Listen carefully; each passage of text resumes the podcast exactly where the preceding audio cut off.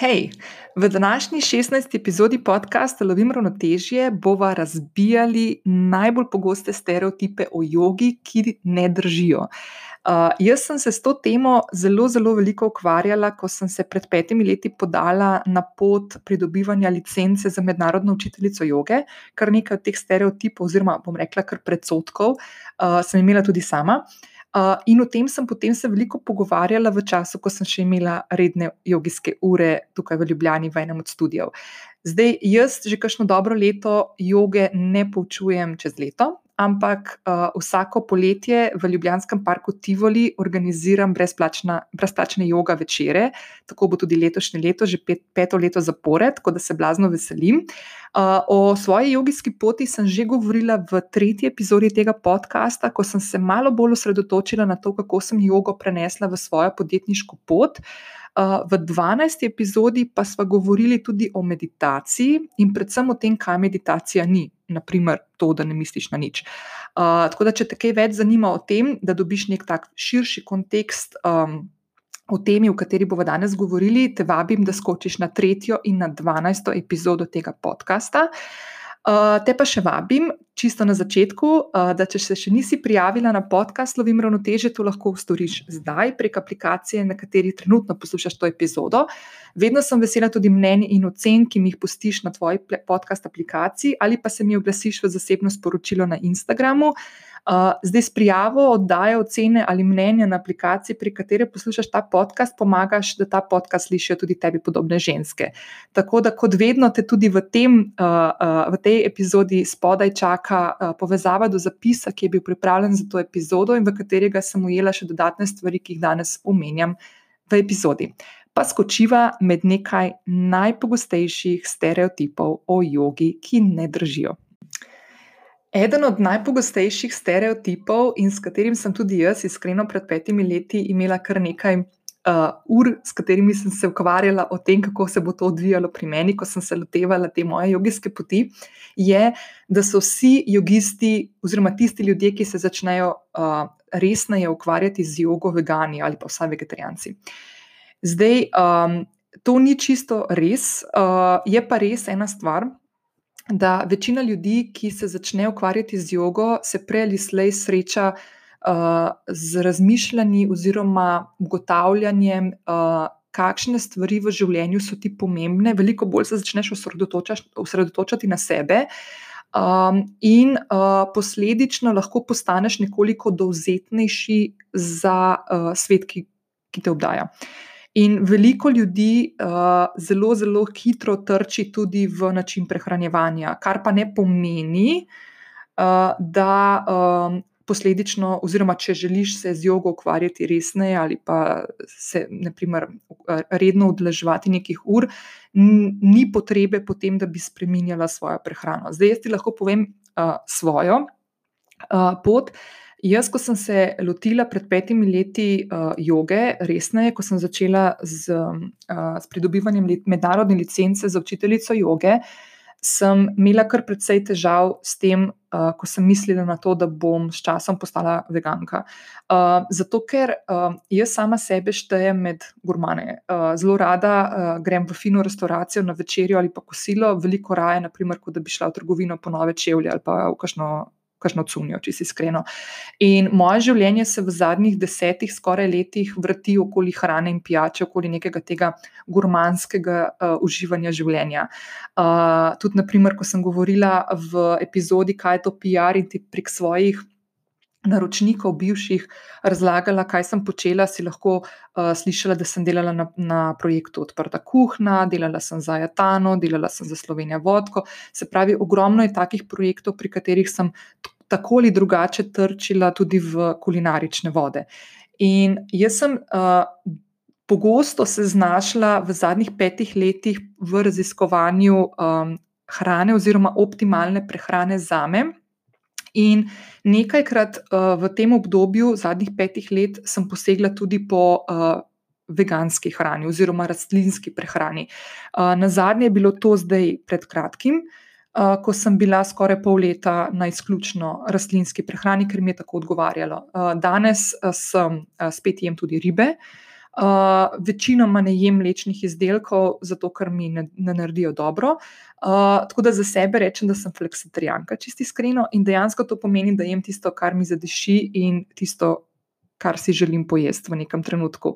Um, tako da, uh, ko se začnemo ukvarjati z jogo, kot sem povedala prej, uh, se zelo hitro začnemo posvečati svojemu zdravemu načinu, načinu življenja, oziroma začnemo dojemati način zdravega življenja drugače, kot smo ga prej, ker se veliko bolj osredotočamo na sebe in ne toliko na okolico in na ljudi, ki so okoli nas. In tukaj se hitro lahko zgodi, da. Trčimo tudi v prehrano in na neke prehranske izbire. In zdaj, opuščanje mesa in živalskih izdelkov uh, je globalni trend, uh, ki smo mu priča tudi pri nas. Uh, če samo pogledamo okoli nas, koliko je zdaj kar naenkrat postalo v zadnjih letih nekih možnosti za. Neke rastlinske, za neko širšo in bogato rastlinsko uravnoteženo prehrano, koliko restauracij, rastlinskih, veganskih, je, je prišlo in jih ima praktično že vsako mesto, in je to nekaj fajn, lepega. Je pa tako, da če želiš vaditi jogo ali pa obiskovati ure joge ali pa se lotiti učiteljskega tečaja za učiteljico joge, ti ni potrebno postati veganka, ješ lahko tisto, kar si želiš. Drugi stereotip je, da je yoga vera, oziroma da je yoga povezana z neko, eh, z neko religijo. In zdaj že samo dejstvo, da jogiste najdemo po celem svetu, v vseh družbenih razredih, verah in prepričanjih, uh, ovrže ta zelo popularen stereotip. Uh, yoga je znanost o zdravem in uravnoteženem načinu življenja in ni povezana z nobeno vero oziroma z nobeno veroizpovedjo. Uh, yoga je že zdavnaj presegla verske okvire oziroma okvire, ki so bile tako ali drugače povezani z nekimi uh, prepričanji. Ki so se dotikali nekega osebnega verovanja, uh, in ta stereotip lahko res dava na stran. Uh, zdaj, primer, uh, naprimer, uh, veliko jogistov sicer, ja, se, se res potem začne ukvarjati nekoliko bolj s temi vzhodnjaškimi načini razmišljanja, kar pa po mojem mnenju, čisto iskreno, iz svojega uh, zornega kota, pa moram reči, da sem jaz, kar se tega tiče, precejšen cinik in sem imela, kot sem rekla že na samem začetku te epizode precej veliko pomislekov in stereotipov, ki sem jih sama imela pri sebi, pa predsotkov, bom rekla, kar, da so bili to predsotki. Um, naprimer, je meni ta um, iskanje tega nekega ravnoves ravnovesja v tem, uh, da iščeš neko nek način razumevanja sebe in sveta v iskanju uh, idej uh, in nekih strukturnih razmišljanj, ki so tudi lahko vzhodnjaška. Če se temu reče, se mi ne zdi nič spornega. Je pa tako, da če želiš se ukvarjati z jogo, to ne pomeni, da bo kdorkoli od tebe pričakoval, da boš postala hindujka ali pa budistka ali pa ne vem, karkoli. Uh, verovanje, ki ga ti imaš ali pa nimaš, ostane takšno, kot je. Uh, boš pa z, uh, um, s prakticiranjem joge, hitro naletela na to, da se boš, kot sem prej povedala, tudi pri hrani oziroma izbiri neki prehranski, se boš hitno, hitro začela ukvarjati s tem, kaj je tisto, kar je tebi pomembno v življenju. In tukaj lahko pride tudi do določenih um, sprememb v razmišljanju. Uh, kar pa posledično ne pomeni, da boš spremenjala neko uh, osnovno verovanje, oziroma če si pripadnica neke vere, da boš to zdaj spremenila, zato ker se boš začela ukvarjati z jogo. Še eden od takih stereotipov, ki sem ga velikokrat slišala, je, uh, da vsi, ki se ukvarjajo z jogo, postanejo neki hipi in so vedno dobre volje, vedno nasmejani in objemajo drevesa v bližnjem gozdu. Um, res ni, ni temu tako. Uh, jaz lahko povem iz svojega zornega kota, da sem se začela konkretneje z jogo ukvarjati pred petimi leti, ko sem imela težave z depresijo. Uh, in sem si z rednim izvajanjem joge zagotovila naslednje. Najprej sem začela spoznavati sebe, svoje strahove, začela sem premikati meje, ki so se začele pri meni dogajati, predvsem na telesnem delu. Naprimer, konkretno, um, ko sem naprimer, po dveh letih prvič se upala narediti stojo na glavi. Uh, in mi je bilo to, to takrat tako, wow, uh, neverjetno, ker se nikoli nisem mislila, da bom presegla te svoje strahove. In začela sem ugotavljati, da sem bistveno bolj močna, kot sem bila kadarkoli prej. In posledično s tem, ko se začneš ukvarjati sam s seboj, v zavedni in nezavedni obliki, je rezultat tega, da se bolje spoznaš, podaš roko samemu sebi in se sprejmeš takšnega, kot si. In to je meni, na primer, dala yoga oziroma jogijska pot, po kateri hodim zadnjih nekaj let. Zdaj, umirjenost, ki sem jo, na primer, jaz našla kmalo po začetku redne vadbe joge, je pri meni, na primer, zamenjala to anksioznost, občasne depresije, tesnobo. In danes stvari okoli sebe, tudi ko gre za kakšne težje stvari, težje odločitve, težje trenutke, ki so me včasih vrgli stira, po domače povedano, danes dojemam veliko bolj umirjeno uh, in veliko bolj uh, zen. In zdaj to je tisti zen vibe, ki nam doskrat učitajo ljudje, da smo mi hipi in vedno dobre volje. Ni res, ni, ni tako. Jaz, sem, jaz znam biti zelo slabe volje in znam biti zelo žalostna, uh, ampak znam upravljati s svojimi čustvi na način, da jih ne zatiram, da jih pustim takrat, ko pridejo, uh, da, da se nekako osredotočim na njih in da um, sprejmem dobre in slabe strani čustvovanja. Uh, Uh, zdaj, 24-urna zen drža ne obstaja in tega nima, ne dosega tudi najbolj zen človek na tem svetu. In kdorkoli reče nasprotno, mu jaz ne bi verjela, čisti iskreno. Uh, tako da jogisti niso hipiji v navednicah in niso vedno dobre volje, imajo tudi, kot vsi normalni in ostali ljudje, tudi slabe trenutke. Še ena od stvari, s katero sem se doskrat srečala pri sebi, um, je, da mi je kdo rekel, joga je za suhice. Um, tiste legice, pa haremke, pa hotpenci, pa to. Um, to je vse super ne, uh, za eno tako vadbo, kot je yoga, uh, če ti omogoča, da se v takšnih oblačilih lahko lepo in dobro premikaš. In zdaj, če skočiš, naprimer, malo na Instagram, pa greš po teh hashtagih oziroma ključnikih, ki so uh, jogijsko obarvani, boš lahko hitro naletela na veliko jogistk, ki so, naprimer, postale uh, Instagram yoga zvezdnice, ki niso, ne sodijo ravno v kategorijo nekih manekenk, nekih suhic in tako naprej. Tudi veliko, um, veliko žensk je um, obilnejše postave, oziroma so bolj močne. Uh, veliko jih je tudi starejših. Naprimer, lahko povem, da je ravno pred, mislim, dvema tednoma uh, umrla najstarejša učiteljica joge na svetu, ki je imela 102 leti in je še do konca življenja dvakrat na teden v New Yorku poučevala svoje ure joge. Tako da dejansko yoga ni osredotočena na to, da moraš biti neke posebne postave ali pa neke starosti. Um, da bi jo lahko prakticiral. Yoga je primerna za vse, in pika. In nikoli ni prepozno, da se z njo začneš ukvarjati. In, naprimer, jaz lahko rečem za sebe, jaz nisem bila nikoli uh, zelo neka aktivna športnica. Uh, nekaj časa sem v otroštvu trenirala tenis, uh, nikoli nisem hodila k nobeni gimnastiki, kot je naprimer moja mlajša sestrica. Uh, in jaz sem, naprimer, z jogo začela v poznih 30 letih in lahko povem, da je človeško telo nekaj neverjetnega. Pa ne gre tukaj za tekmovanje, kaj si sposoben uh, narediti, ker joga ni tekmovanje. Ampak jaz sem, mislim, da še en teden pred svojim 39. rojstnim dnevom naredila prvič žensko špago. In se mi je to zdelo takrat tako nenormalno dobro, uh, ne z vidika tega, da sem kašna carica, sem, ki sem naredila špago, ampak z vidika, da lahko moje telo naredi stvari, za, kateri, za katere nikoli nisem mislila, da je dovolj močno, sposobno, dobro.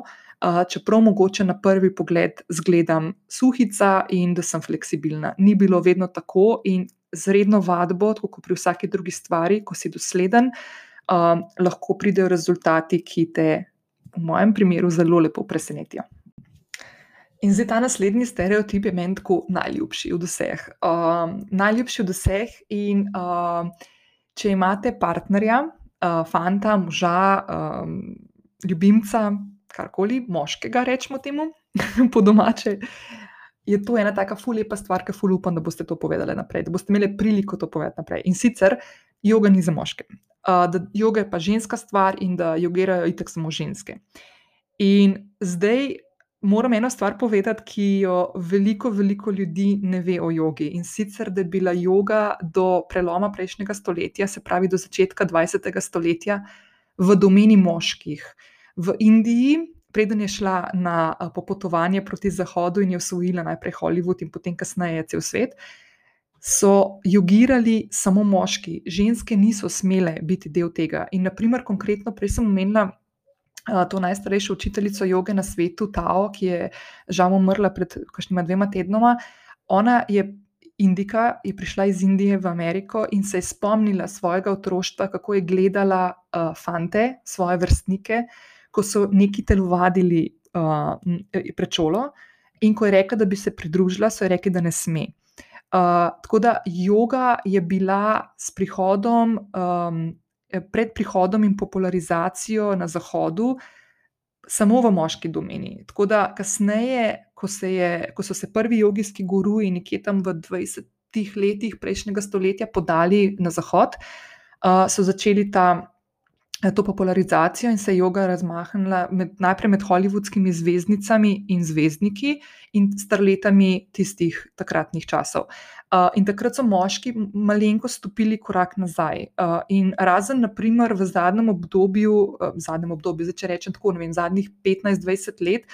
Uh, je, naprimer, uh, angliški pevec Sting zelo, zelo rad vedno povedal na glas, da pridno jogira. Ampak so med drugim tudi znani jogisti, naprimer Robert Downey Jr., pa Woody Harrelson, pa Adam Levine od Maroon 5 ali pa Matthew McConaughey in drugi. In yoga je odlična vadba za moške. Jaz bi rekla, če bom zdaj malo provokativna, bi skoraj rekla, da jo moški bolj rabijo kot ženske.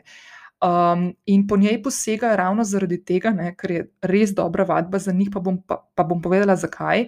Nekoliko kasneje po njej posegajo tudi vrhunski športniki, kot je naprimer LeBron James.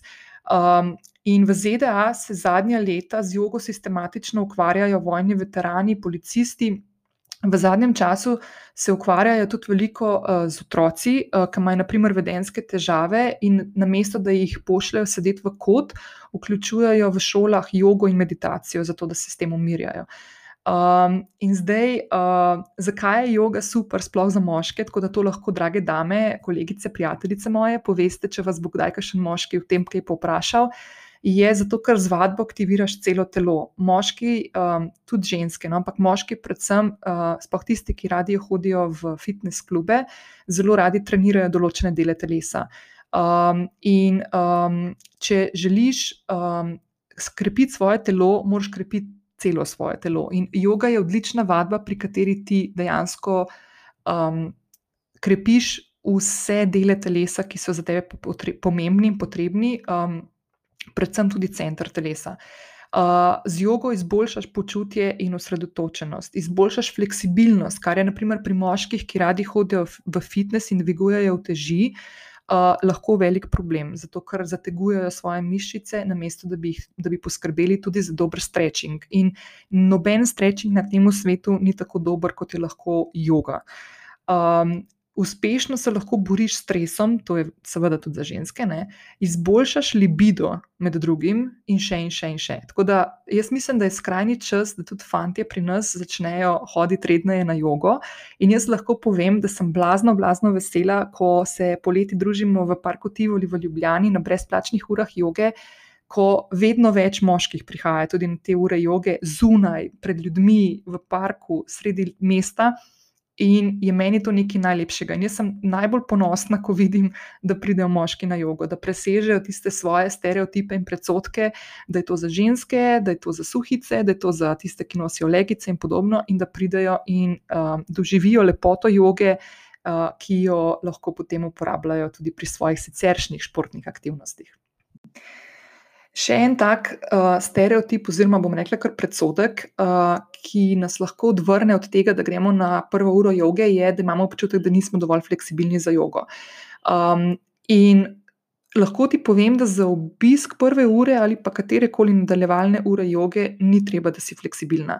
Ker preko vadbe redne bo tvoje telo pridobivalo na prožnosti, torej fleksibilnosti, in fleksibilnost ni ne cilj, ne začetek. Uh, pri jogi ne moreš biti za nič. Ne moreš. Yoga ni tekmovanje, naprimer, s tisto prijateljico na drugi uh, yoga blazini, ki stoji poleg tebe in rastura kakšen položaj, ki ga ti ne. Pri jogi tekmuješ sama seboj.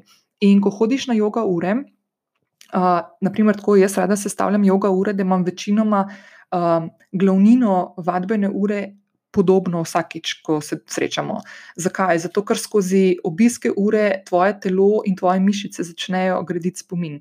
In začneš potem zelo hitro ugotavljati in spremljati pri sebi napredek. In takrat vidiš, naprimer, kako pomembna je ta pot, po kateri hodiš, in se začneš osredotočati na, na pot in ne na cilj. Um, in zdaj, naprimer, jaz sem že parkrat govorila o tem, zakaj sem pred dvema letoma in pol posvojila. Um, ključnik oziroma življenjsko mantro svojo, lovim ravnotežje. Jaz sem se to naučila tudi iz joge, ko sem začela ugotavljati, da uh, cilj ni, da naredim žensko špago, ampak je uh, uživanje na poti do tega, kako, kako spoznavam svoje telo, ko se počasi, počasi, počasi bliža k trenutku, ko naprimer, se zgodi potem tista ženska špaga en teden pred 39. rojstnim dnevom. Naprimer, um, ni tekmovanje res ni tekmovanje, nikoli ne gledaš tistega človeka, ki je zraven tebe in poskušaš narediti enake stvari, uh, kot jih dela sosed, um, ampak delaš sama seboj in tekmuješ vedno sama s seboj. Um, Naprimer, če um, poznamo več razliko, razli, različnih stilov joge, klasična joga je tista, ki je nekoliko bolj statična, kar pomeni, da dalj časa zadržuješ svoje telo v eni asani oziroma položaju. Uh, lahko se ti zgodi, naprimer, da, te, da te nek učitelj uh, pusti preveč časa v nekem položaju. Vedno greš lahko ven, vedno se lahko uležeš na tla, vedno lahko počivaš. Um, noben dober učitelj joge ne bo uh, izpostavljal nekoga v uri in rekel: To pa ne delaš v redu, ali pa uh, drži, drži, drži, se, še drži, ti se pa že čistreseš. Pač vedno spremljaš sebe. Pomen joge. In zakaj je to ena tako lepa vadba, ki bi si jaz želela, da bi jo vsaka od vas vsaj enkrat v življenju probala? Um, je zato, ker um, dejansko ni, ni enaka kot vse ostale te skupinske vadbe, kjer gre za neko tako um, vem, gledanje v ogledalo, spremljanje, da si taka kot ostali, da si, ali pa da si boljša kot vsi ostali. Ne gre za to, gre za to, da ti sama v svojih mislih tekmuješ sama seboj, oziroma niti ne gre za tekmovanje, gre bolj za to, da spremljaš svoj napredek, da, da ugotavljaš, kje so meje tvojega telesa, kam lahko greš danes, mogoče nekoliko globje v nekem položaju, kot si šla kakšen teden nazaj. Um, zdaj, naprimer. Um, Jaz se spomnim, jaz sem rabila, da sem naredila stojo na glavi prvič, naprimer, pa gre za izredno enostavno asano, jogijsko oziroma položaj, čeprav zgleda zelo zapleten. Sem potrebovala skoraj dve leti, da sem se dovolila, da sem se ob steni dvignila sama na glavo. Um, ko sem jaz imela ure joge, smo to naredili na prvi uri in so naredili mislim, da samo ena, ena punca v treh letih se ni upala, ampak naredili so jo vsi, ne glede na to, kakšno postavo so imeli, uh, ali so bili prvič v življenju na jogi, ali so bili še kdaj prej, ali so bili športni, ali niso obiskali šport, odkar so zaključili srednjo šolo in tako naprej. Um, in to je tista lepota joge, ko presekaš svoje meje in greš iz cone obdobja. In, naprimer, to je ena od tistih stvari, ki sem jih omenjala tudi v tisti epizodi, ko sem govorila, kako sem jogo prenesla v svojo podjetniško pot, ko sem se dejansko naučila uživati v tem, da skačem iz cone obdobja. Kar ni enostavno, in ljudje nismo narejeni, da bi razmišljali o tem, kako nam bo fajn. Uh, v, v, v življenju, ko nimamo stvari pod kontrolo in nadzorom. Uh, ampak dejansko uh, sem se to naučila iz joge in mi je to danes ena od meni najljubi, najbolj ljubih spoznanj. In čisto ta zadnji stereotip je o, nekako tako, da če ti yoga ni všeč, potem ti ne bo nikoli in da ni umestne poti. Se pravi, lahko ti je všeč ali pa ti ni. Zdaj, iskreno povedano, jaz sem imela s tem velike težave, zato ker sem pri svojih 18 letih naletela na stil joge, ki mi ni bil všeč in se zaradi tega skoraj 20 let praktično nisem več um, lotila oziroma uh, skočila na kakšno yoga uro, pa bi mi zelo koristila. Danes na svetu obstajajo številni stili joge in verjamem, da lahko vsaka od vas najde tistega, v kateri bo uživala. Zdaj lahko so stili joge, kot je naprimer kakšna bolj kardiovadba, temu se ponavadi reče vinjasa. Do posem atletskih vadb, do nežnejših vadb, ki so primerne predvsem za ženske, kakšne jin joge, Potem so naprimer tudi vadbe, ki pomagajo tistim, ki imajo kakšne poškodbe. Potem gre do nekih mirnejših, bolj duhovnih vad, ki vključujejo veliko več meditacije. Um, tako da je vsak učitelj joge ima v bistvu nek svoj stil. In zato je uh, ena stvar, ki je blazno pomembna, in če se boš odločila odkrivati svet joge, ali pa ga že mogoče odkrivaš, ti svetujem, da um, si vzameš čas in obiščeš malo več teh jogijskih ur, tudi mogoče obiščeš malo več uh, učiteljev ali učiteljic. Uh, ker so te stvari lahko zelo, zelo različne. Um, dovoli se neko možnost raziskovanja, da najdeš tisti uh, stil, ki je tebi praktično pisan na kožo. Uh, tako da ne obupati po prvi uri joge, uh, probaj poiskati uh, kakšno novo, in jaz ti obljubim, da boš našla nek način, ki bo tebi všeč. Naprimer, jaz konkretno uh, sem se znašla v tej vinjasa jogi, to pomeni, da je to yoga, ki je dinamična, ki, uh, pri kateri z, z dihanjem, se pravi, z vsakim vdihom in izdihom, spremenjamo položaj telesa in ne držimo telo v, statično v eni pozi več kot ne vem. Par sekund. Uh, kasneje sem tej, tej, temu stilu joge dodala še uh, aerial jogo. Uh, to je joga, ki se jo izvaja na takih. Um, Na takem blagu, ki visi uh, uh, iz stropa, na takih trakovih, in gre za stil joge, v katerem se v bistvu lahko bistveno bolj poglabljamo v določene položaje, pri uh, jogijske, in dosegamo s tem uh, še boljšo uh, fleksibilnost, prožnost telesa. Uh, gre tudi za neko tako uh, breztežnostno jogo, uh, pri kateri veliko časa. Um, uh, Smo nekako obrnjeni ali na glavo, ali pa smo v neki inverziji, kjer, kar pomeni, da imamo glavo nižje od srca.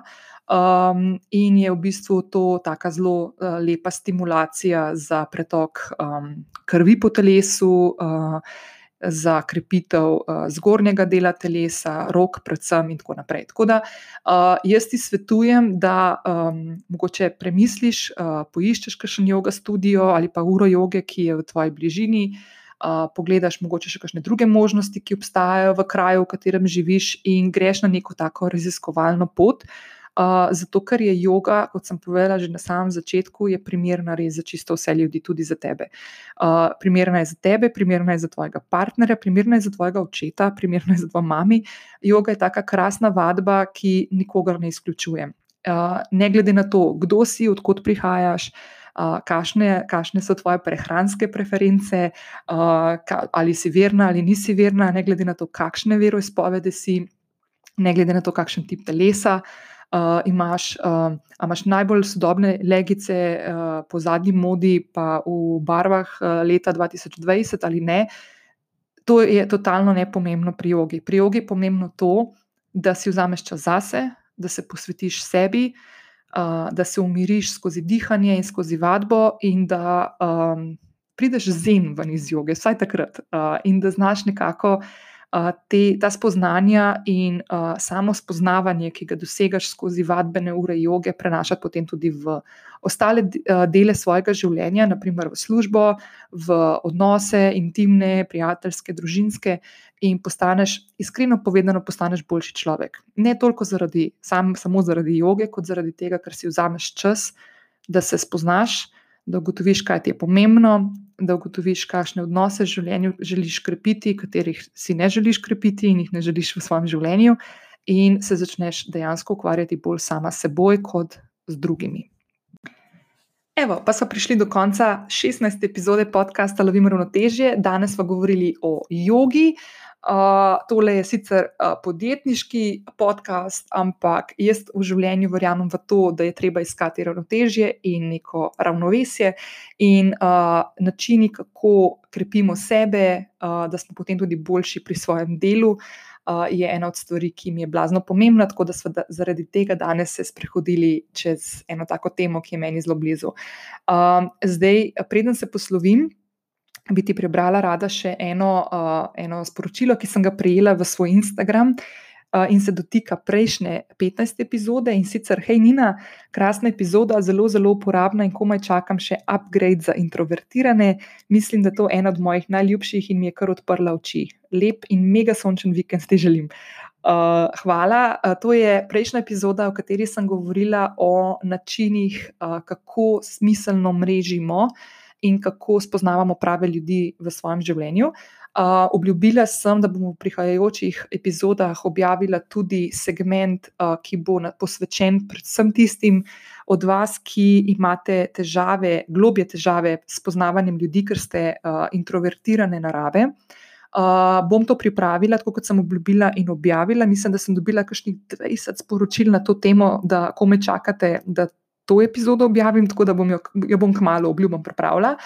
Um, kot ena zanimivost, um, jaz sem do nekaj leta, pa pol nazaj, bila zelo prepričana v to, da sem ekstrovertirana oseba. In sem v zadnjem letu, predvsem, ugotovila, da sem tak en tak preplet uh, ekstrovertiranosti in introvertiranosti. Pa je, da obstaja neki izraz, ki ga moja prijateljica Maša že večkrat omenila, ampak sem ga pozabila zdaj, tako da ga bom v naslednji epizodi, ko bom govorila o uh, introvertiranosti, um, povedala. Um, vsak od nas ima trenutke, ko je lahko malo bolj ekstrovertiran ali pa introvertiran, in je to nekaj čisto normalnega. Uh, imamo različne tipe karakterjev, uh, uh, in smo si pač različni, in je to tudi nekaj, nekaj tacga lepega na svetu, kar nas dela posebne. Uh, jaz se spomnim, da sem, uh, ko sem, mislim, da je bilo to leta 2001, sem še študirala in sem uh, dve leti pisala za časnik Finance. Uh, in sem takrat imela priliko govoriti, oziroma iti na uh, predavanje in imeti potem tudi intervju s takratnim uh, kre, glavnim kreativnim fotografom uh, za uh, znamko Benetton, to je bil Olivero Toscani, ki je bil takrat v Ljubljani. On je bil tako zelo provokativen uh, fotograf, ki je uh, delal vse tiste velike kampanje za Benetton. Če se spomniš, ko um, so bili naprimer Hudiček, pa Angelček, dva, uh, uh, dva, uh, dva otroka, en je bil Črnček, pa ena je bila Belka, pa potem naprimer, je dal uniformo bosanskega padlega um, vojaka, ki je bila krvava na. na, na billboarde, zato da jo nekako osveščal ljudi o tem, kaj se dogaja v svetu, in tako naprej. In on je takrat rekel eno fulepo stvar in sicer je rekel, kako dolgočasen bi bil svet, če bi bili vsi enaki. In um, ni vedel, naprimer, da bomo 20 let kasneje uh, živeli v svetu, v katerem bomo copy-pastali stvari, v katerem bomo opazovali ljudi okoli sebe, ki postajajo vedno bolj podobni uh, po izgledu in po nekem tudi obnašanju in po nekih vrednotah. In Uh, jaz mislim, da je blazno, blazno fajn um, tisto zelo moderno besedo avtentičnost, ki je mogoče malo že izgubila nek svoj vtis in postala nekoliko negativna, uh, jo je treba osvojiti. In se ne bati tega, kakšni smo, ker je tisto, uh, kakšni smo, je, je stvar, ki nas dela posebne in zanimive in nedolgočasne. Uh, ne glede na to, ali smo introvertirani, ali smo ekstrovertirani, smo veseli, smo žalostni, smo um, skravženih las, ravnih las, karkoli. Uh, tako da uh, objami tisto posebnost, ki jo imaš samo ti, ki te dela edinstveno in uh, jo pokaži svetu, ker je to nekaj najlepšega, kar lahko narediš zase. Ok, uh, vesela bom, če se boš prijavila na ta podcast, če se še nisi, da boš ujela vsak petek um, z objav, uh, objavo in da ne boš kaj ne spustila. Uh, lahko jo tudi deliš na svojem Instagramu, ne me pozabi označiti, da te bom videla. Lahko deliš svoje mnenje, lahko komentiraš, lahko daš oceno, karkoli boš naredila, da bo ta podcast, podcast slišalo še več takih žensk kot si ti. Uh, ti bom blazno hvaležna. Uh, lepo bodi, želim ti en krasen, krasen petek in lep vikend. Se slišiva naslednji teden. Čau, čau!